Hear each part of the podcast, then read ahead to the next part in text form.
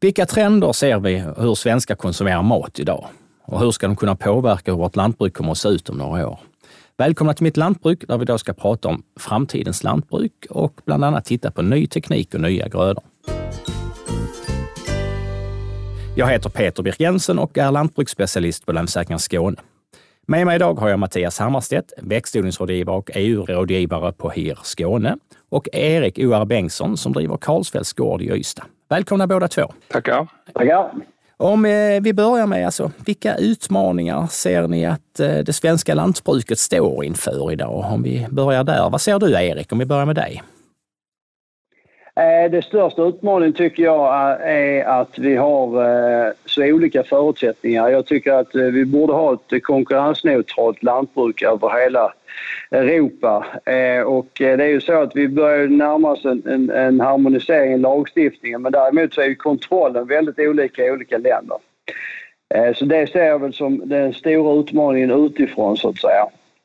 Eh, den utmaning jag ser här i Sverige det är ju marginalernas placering i värdekedjan. Eh, och där tycker jag ju att det svenska lantbruket, primärlantbruket, är förtjänt egentligen av större delen vad vi får oss till godo. Alla lever på vår räkmacka så att säga. Mm. Den klassiska att det är alltid primärproducenten som, förstår, som, står, som får minst betalt, ja.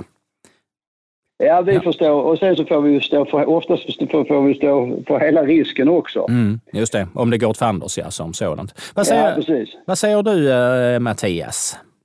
Jag håller med Erik också där, men det är ju, jag ser att lönsamheten är, ju, är något som är viktigt framöver och eh, sen tror jag också att vi rör oss i en framtid där vi måste kunna producera livsmedel med en allt mindre verktygslåda tror jag. Jag tror att de här växtskyddsmedlen och sånt som vi kan använda kommer att bli färre och eh, den nya CAP-reformen som kommer här 2023 och framöver så kommer det också vara ett större tryck på lantbruket att göra detta miljöeffektivt. Mm.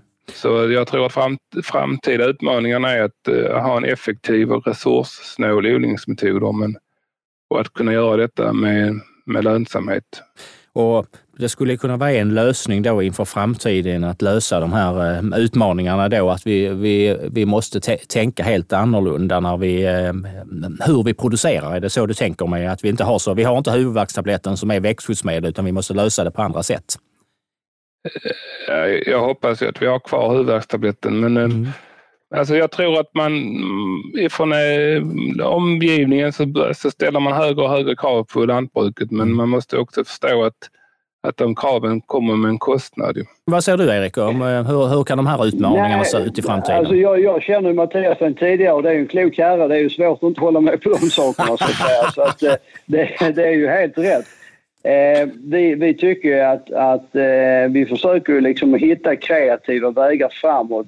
Och jag tycker att Hushållningssällskapet har ju gjort ett bra jobb här med de här rekoringarna. Vi satt med det här senast som igår. Så att det finns vägar fram och det är bara att kavla upp armarna och jobba lite hårdare än vad vi gjorde igår så ska det nog gå. Mm. Eh, men eh, jag håller också med om att, att konsumenten är ju kanske lite av utmaningen, glider längre och längre ifrån oss och det är ju viktigt att vi försöker att och, eh, ta, ta, ta dem närmare oss i de formerna det går. Eh, så att eh, det, det, vi, vi får också lära oss att sälja upplevelsen tror jag är viktigt för framtiden. Inte bara ett kilopris utan att vi ska sälja upplevelsen är viktigt för att konsumenten ska ta sig till oss och oss till dem så att säga. En stor utmaning som vi står inför idag är klimatkrisen och vi pratar mycket om hur vi ska konsumera mat för att minska eh, klimatavtrycket. Alltså hur kan det påverka lantbruket om några år? Ser ni några lösningar eller några idéer där? Eh, vad säger du Mattias, om vi börjar med dig? Alltså jag tror lite det som Erik är inne på är, är någonting som man bör, som behöver spridas, liksom, att det svenska lantbruket. Och sen gäller det att äta rätt mat tror jag. Eh, och där till exempel naturbeteskött eh, är väl någonting som man bör framhålla. I den, den diskussionen som varit hittills har det varit mycket att man inte ska äta kött överhuvudtaget, vilket jag tycker är fel väg att gå för då förstår man inte hur, hur, den, eh, hur samhället ser ut och det lantbruket vi lever i idag och miljön vi lever runt om, hur, den, hur det hänger ihop. Ja, och sen tror jag också att, man, eh, att vi behöver ha effektiva odlingsmetoder som jag sa innan. Att vi, att vi måste liksom titta mer med hjälp av teknikens hjälp få ut så mycket som möjligt på varje yta som finns och att, vi, att man liksom går från det här med att vi gödslar ett fält på samma sätt utan att vi måste bryta ner fältet i mindre ytor och ha en effektivitet i varje, varje kvadratmeter. Mm. Ja, vi kommer nog tillbaka till det lite längre fram, men eh, vad säger du Erik? Har du någonting att tillägga här? Ja, vi försöker leva precis efter det som Mattias pratar om här. Så att det, ett holistiskt perspektiv på tillvaron är ju drömmen. Att kunderna eh, gör sig till föga, så att säga. Eh, så vi använder ju då våra får till att ersätta fossilt drivna gräsklippare och röjare på eh, Ystad Golfklubb och vi tar då några grisar som tar hand om svinnet i restaurangen. Eh, och eh, det är bara några exempel, precis som naturbeteskött här nämndes. Vi använder tillsammans med Ystad kommun eh, våra får till att, att beta ner björnlokor. Eh, så att jag, jag tror att alltså ett helhetskonventionellt lantbruk är nog faktiskt den miljövänligaste vägen fram med artificial intelligence. Det finns ju många, många karteringsvarianter idag som är, är väldigt på ropet och det bör man ju absolut titta på. Vi har själva gjort, eh, använt en-sensor i många år och, och, det här är ju nästa generations teknik som, som kommer oss eh, till, till godo.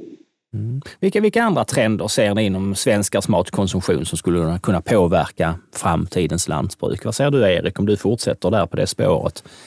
Alltså jag, jag tycker, eh, eh, som Mattias också var inne på, det ställs ju väldigt mycket krav på primärproducenterna men någonstans måste man ju förhålla sig till faktumet att eh, it takes two to tango.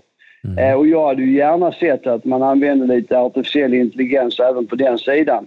Kanske är det dags att koppla ihop ICA-korten med bank-id och sjukvården är det rätt att folk som äter importerat kött med massor, eh, som har fötts upp med massor med antibiotika har samma tillgänglighet i sjukvården som vi andra?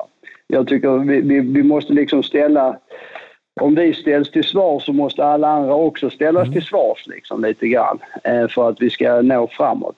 Ja, det är onekligen att ställa, ställa det till sin spets, men jag förstår hur du tänker. Så, eh, vad, säger du, vad säger du Mattias?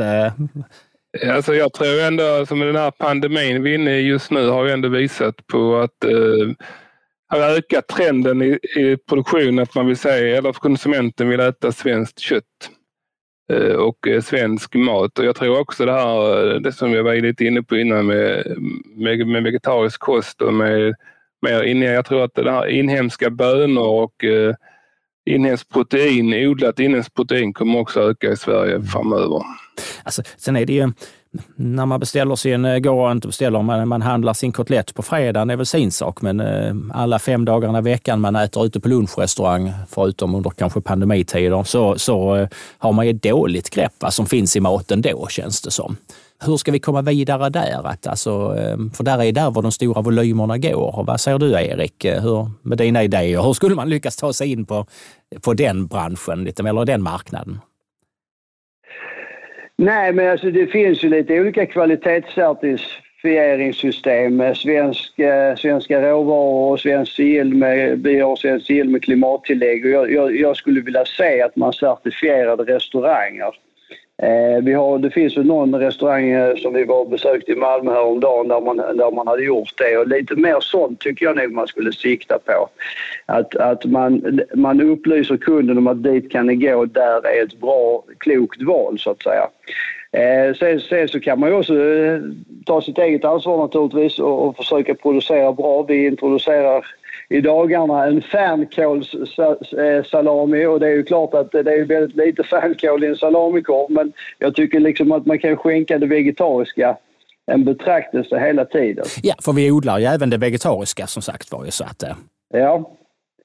Vi har ju mantrat på Karlsfeldts gård är djur, natur och människor i symbios och det tycker jag står sig bra även i de här tiderna. Alltså det måste vara bra för djuren, det måste vara bra för naturen och det måste vara bra för människor. Det är liksom det här holistiska perspektivet som är viktigt eh, att driva och så att, att, att man liksom håller undan de här grejerna som kanske eh, fördärvar eh, logiken i det hela. Alltså billiga importvaror är ju inte bra. Eh, så jag hade väl gärna sett att det fanns en, någon form av miljöavgift på importerade råvaror som liksom är producerade med andra förutsättningar än de som vi har i Sverige. Om vi byter spår helt, eller inte helt kanske, men Mattias, jag, jag läste om att eh, ni på Hussällskapet tagit fram något som heter Klara.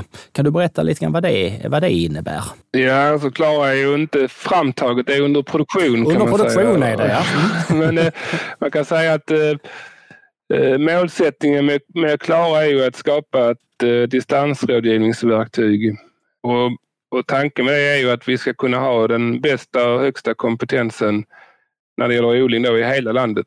Eh, eller, och eh, där vi då även kan plocka in eh, expertis ifrån utlandet så att säga. Och, och där är ju det en bransch där som vi ser som verkligen behöver den hjälpen är ju trädgårdsnäringen där, vi, där kompetensen oftast är knuten i små grupper och eller kanske då i vissa fall kanske i Skåne och sen har vi kanske odlare uppe i Mellansverige. Men, mm. och, och då är tanken att man klarar sig kunna ja, skicka ut eh, information och eh, kunna genomföra rådgivningar på distans. Mm. Och, och det gör vi då eh, bland annat då genom att inkorporera eh, artificiell intelligens i Klara. Då.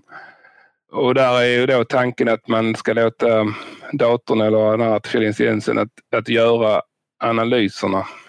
Leta upp ogräsen och se vad det är för svamp på det problem som finns i fältet och även kunna kvantifiera angrepp och med mera.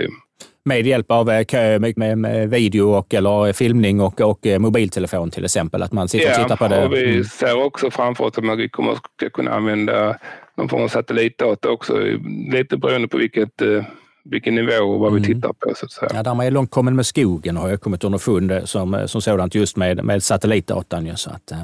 Och detta är ju något som kommer att eh, vara användbart även i den, i den liksom normala rådgivningen så att säga. Och för det kan man, alltså alla de här analyserna som, som AI eller som datorn gör kommer ju att frigöra tid och energi mm. för oss rådgivare att mer fokusera på lösningar. Just det, än att sitta och, och transportera med bil tvärs över Skåne eller eh, upp i Småland eller vad man nu kör.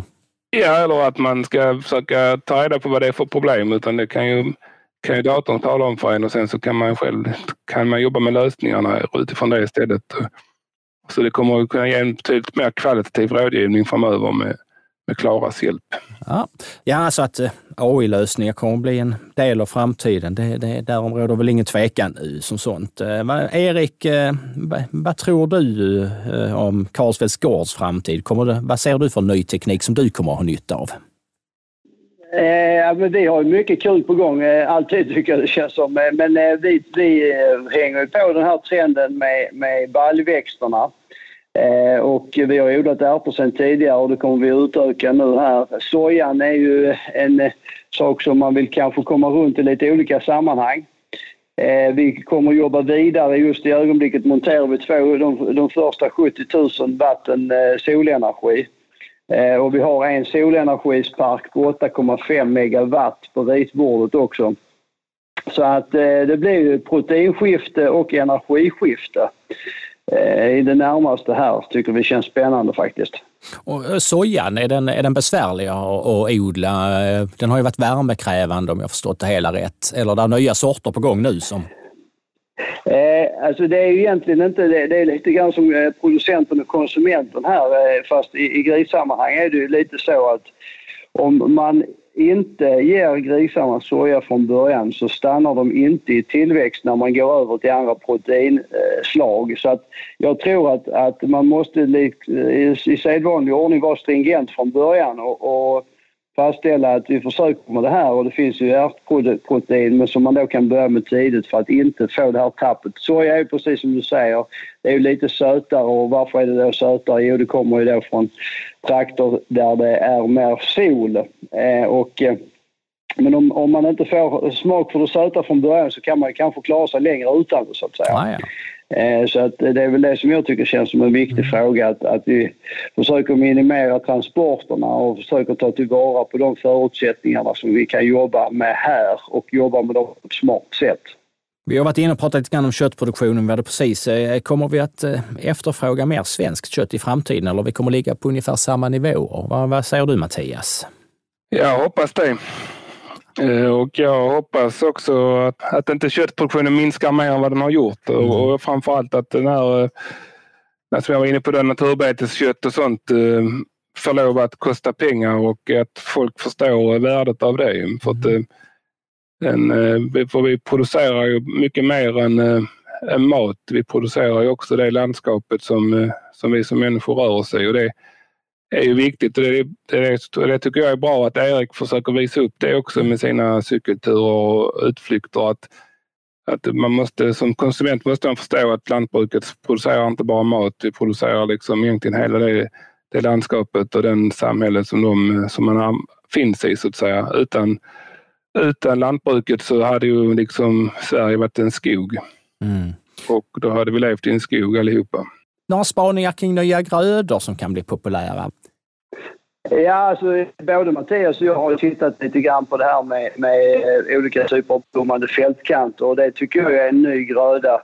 Även vi var inne och, och talade om upplevelser där. Vi har ju faktiskt eh, möjlighet att bota folks klimatångest med våra blommande fältkanter via vår webbshop. Vi tror att det känns viktigt att folk, alla, alla måste känna att man har möjlighet att vara med och påverka tillvaron här då.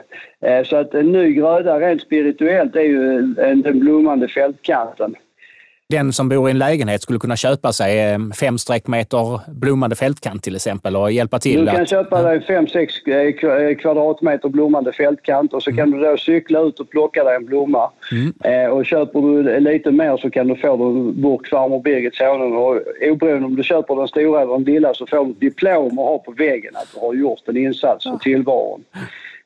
Så att det, det, tycker jag man kan se som en gröda som konsumenten kan konsumera så att mm. säga.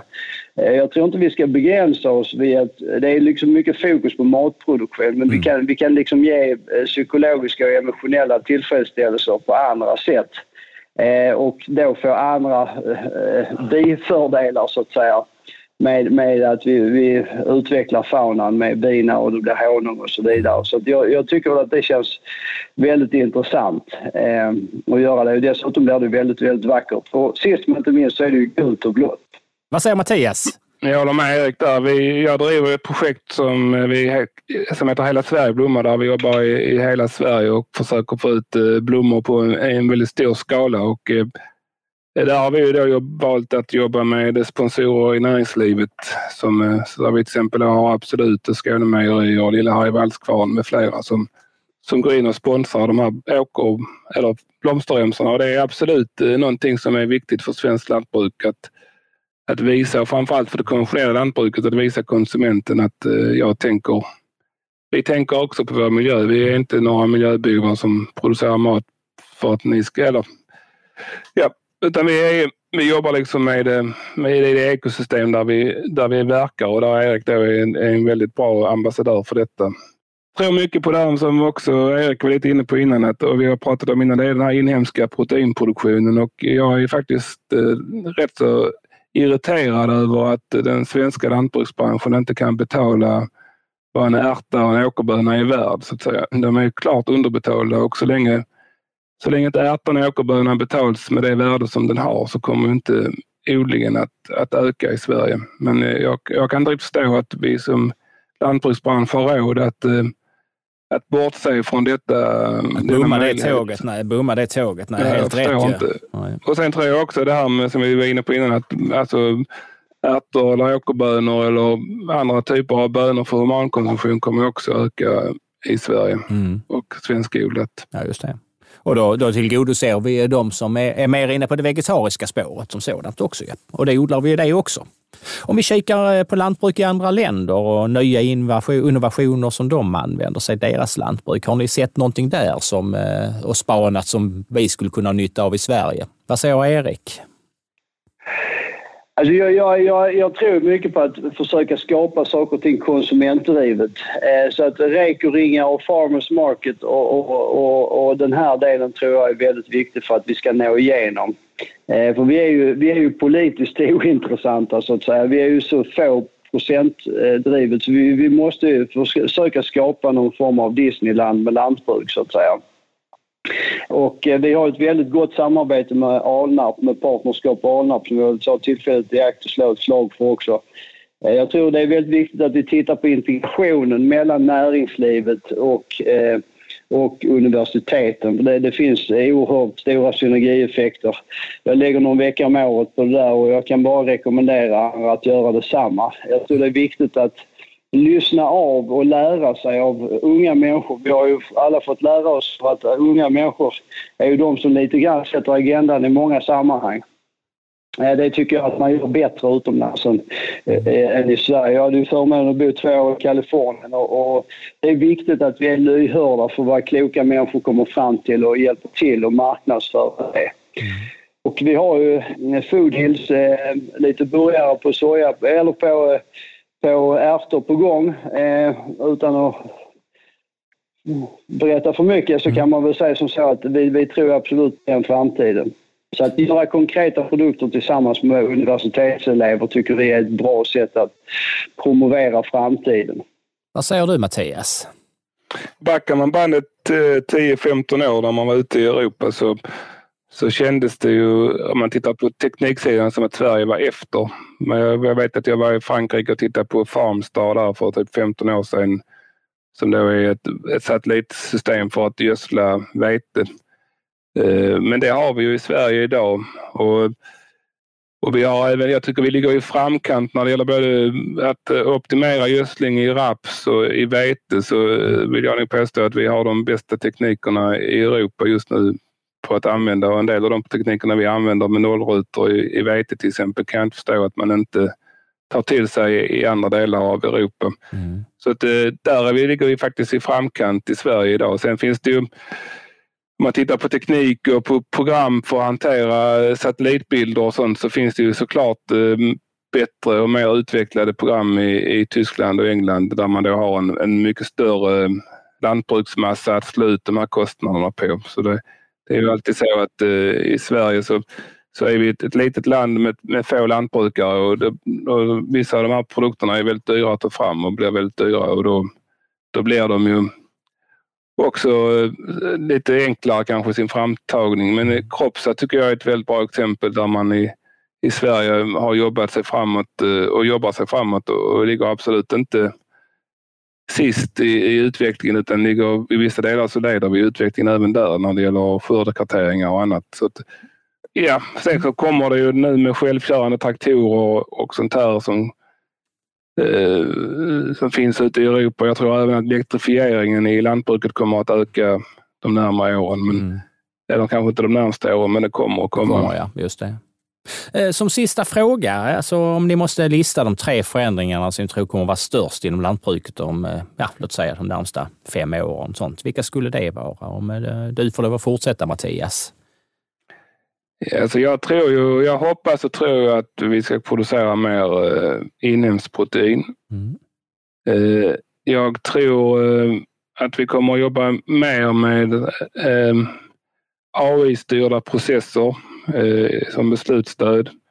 Eh, mer med satellitdata och eh, mer att vi jobbar med eh, mer platsspecifika åtgärder Sen eh, tror jag elektrifiering och eh, självkörande traktorer kommer. Och där, när man säger när det gäller självkörande traktorer så har vi ju nästan det redan idag. Förutom att vi oftast har, en, har någon som sitter i traktorn men den kör ju själv. Mm. Men jag, ja, den utvecklingen kommer inte att gå långsammare i alla fall.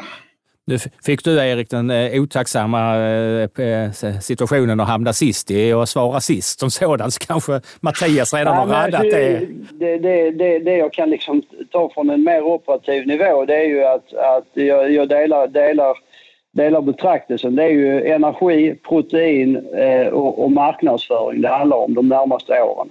Alltså, Erik, du har ju, såg så, så på din framtid här, alltså, men det vi inte pratat så mycket om är det poli, poli, politiken som ändå styr vår lantbruk, både i Sverige och inom, inom EU. Vad säger du om, om framtiden där? Hur ska vi kunna hantera detta?